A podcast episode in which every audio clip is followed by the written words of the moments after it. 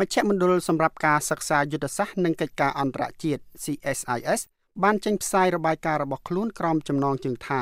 សង្គមស៊ីវិលកម្ពុជាមកដល់ចំណុចរបត់មួយដោយបានរកឃើញថាតុលាការក្នុងប្រទេសកម្ពុជាត្រូវបានអាជ្ញាធរប្រើប្រាស់ជាឧបករណ៍សំខាន់មួយក្នុងការបង្ក្រាបទៅលើក្រុមសង្គមស៊ីវិលទាំងឡាយណាដែលអាជ្ញាធរនេះយល់ឃើញថាបង្កជាឧបសគ្គដល់ខ្លួនក្រៅពីប្រព័ន្ធតុលាការ រដ្ឋាភិបាលរបស់លោកហ៊ុនសែនក៏បានប្រើប្រាស់យុទ្ធសាស្ត្រផ្សេងផ្សេងទៀតផងដែរដោយរួមមានទាំងការចាប់ខ្លួនសកម្មជនដោយបំពានការប្រើប្រាស់អំពើហិង្សាឆ្លើយតបទៅនឹងសកម្មភាពរបស់សង្គមស៊ីវិលនិងការគៀបសង្កត់ដែលនាំឲ្យមានការបិទស្ថាប័នសារព័ត៌មានឯករាជ្យមួយចំនួនផងដែររដ្ឋាភិបាលបានប្រើប្រាស់ច្បាប់ស្តីពីសមាគមនិងអង្គការមិនមែនរដ្ឋាភិបាល ដែលបានអនុម័តនៅក្នុងឆ្នាំ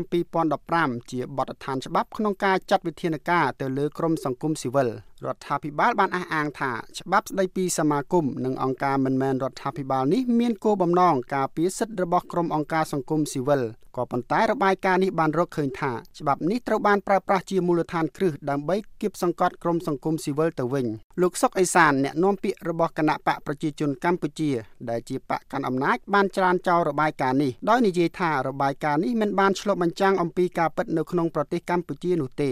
លោកសុកអេសានបាននិយាយថា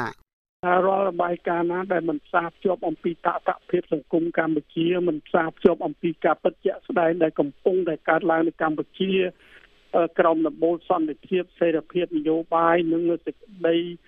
សុខសាន្តត្រានរបស់ប្រជាពលរដ្ឋនៅខ្ញុំយល់ថាជាការដែលមិនអាចទទួលយកបានទេចំពោះរបាយការណ៍របៀបហ្នឹងបាទក៏ប៉ុន្តែរបាយការណ៍នេះបានបង្ហាញថាគណៈបកប្រជាជនកម្ពុជាបានប្រើប្រាស់ច្បាប់ដើម្បីបំបាក់គូសត្រូវរបស់ខ្លួន ក្រៅពីច្បាប់ស្តីពីសមាគមនិងអង្គការមិនមែនរដ្ឋាភិបាលក៏នៅមានក្រមព្រហ្មទណ្ឌដាក់ទោសដល់បុគ្គលណាដែលប្រមាថព្រះមហាក្សត្រដែលទើបទទួលបានការអនុម័តនៅដើមឆ្នាំនេះនិងច្បាប់ប្រឆាំងការផ្សព្វផ្សាយព័ត៌មានមិនពិតដែលទើបត្រូវបានដាក់ស្នើថ្មីថ្មីនេះក៏ត្រូវបានសង្គមស៊ីវិលយល់ឃើញថានឹងរឹតតែរឹតបន្តឹងប្រតិបត្តិការរបស់ខ្លួននិងភាពឯករាជ្យក្នុងការបញ្ចេញមតិផងដែររបាយការណ៍នេះបានរៀបរាប់ថា នៅចុងឆ្នាំ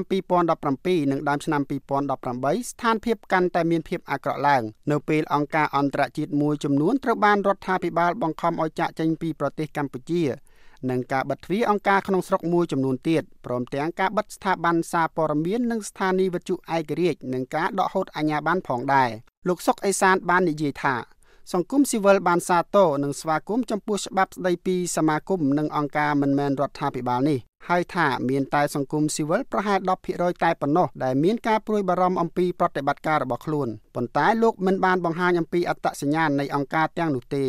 លោកសឿងសារឿននាយកប្រតិបត្តិនៃអង្គការគណៈកម្មាធិការសហប្រតិបត្តិការដើម្បីកម្ពុជា ដែលមានអង្គការជាតិនិងអន្តរជាតិប្រមាណ170នៅក្នុងប្រទេសកម្ពុជា ជាសមាជិកបាននិយាយថារបាយការណ៍នេះពិតជាបានឆ្លុះបញ្ចាំងអំពីស្ថានភាពជាក់ស្ដែងនៅក្នុងប្រទេសកម្ពុជាយោងតាមសន្ទុះសេរីភាពសារព័ត៌មានសកលឆ្នាំ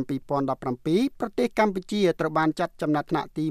132ក្នុងចំណោម180ប្រទេសនៅលើពិភពលោក លោកស្រី Lauren Moni អ្នកស្រាវជ្រាវប្រចាំមជ្ឈមណ្ឌលសម្រាប់ការសិក្សាយុទ្ធសាស្ត្រនិងកិច្ចការអន្តរជាតិនិងជាអ្នកចងក្រងរបាយការណ៍នេះបាននិយាយថារបាយការណ៍នេះបានចងក្រងដោយផ្អែកទៅលើបទសម្ភាសន៍ស៊ីជម្រៅជាមួយស្ថាប័នពាក់ព័ន្ធជាច្រើនវិស័យរួមទាំងតំណាងអង្គការសង្គមស៊ីវិលជាច្រើនទៀតផងដែរលោកស្រី Lauren Moni បាននិយាយថា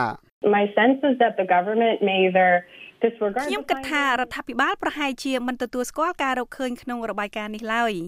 លោកស្រី Lauren Moni បានបន្ថែមទៀតថា emphasize that true democracy is built on economic development and stability រដ្ឋាភិបាលកម្ពុជាបានផ្ដោតតែទៅលើថាប្រជាធិបតេយ្យពិតប្រាកដគឺអាស្រ័យទៅលើស្ថិរភាពសេដ្ឋកិច្ចប៉ុន្តែខ្ញុំយល់ថាប្រជាធិបតេយ្យពិតប្រាកដគឺអាស្រ័យលើសិទ្ធិសេរីភាពផ្នែកនយោបាយនិងសង្គមឬការបើកចំហសិទ្ធិសេរីភាពដល់សង្គមស៊ីវិល។ បណ្ដាអង្គការសិទ្ធិមនុស្សបានរាយការណ៍ថាមានសកម្មជនសិទ្ធិមនុស្សយ៉ាងហោចណាស់ចំនួន38នាក់ត្រូវបានចាប់ខ្លួនដោយបំពានដោយភ្ជាប់ទៅនឹងរឿងនយោបាយ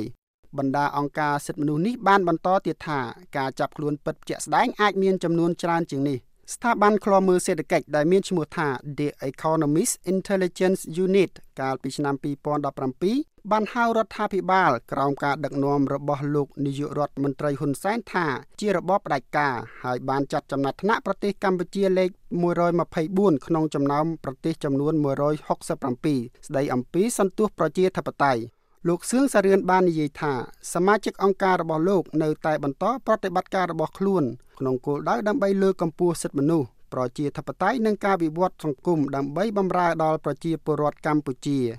រាយការណ៍ពីរដ្ឋធានី Washington ខ្ញុំឆេងចាន់នី VOA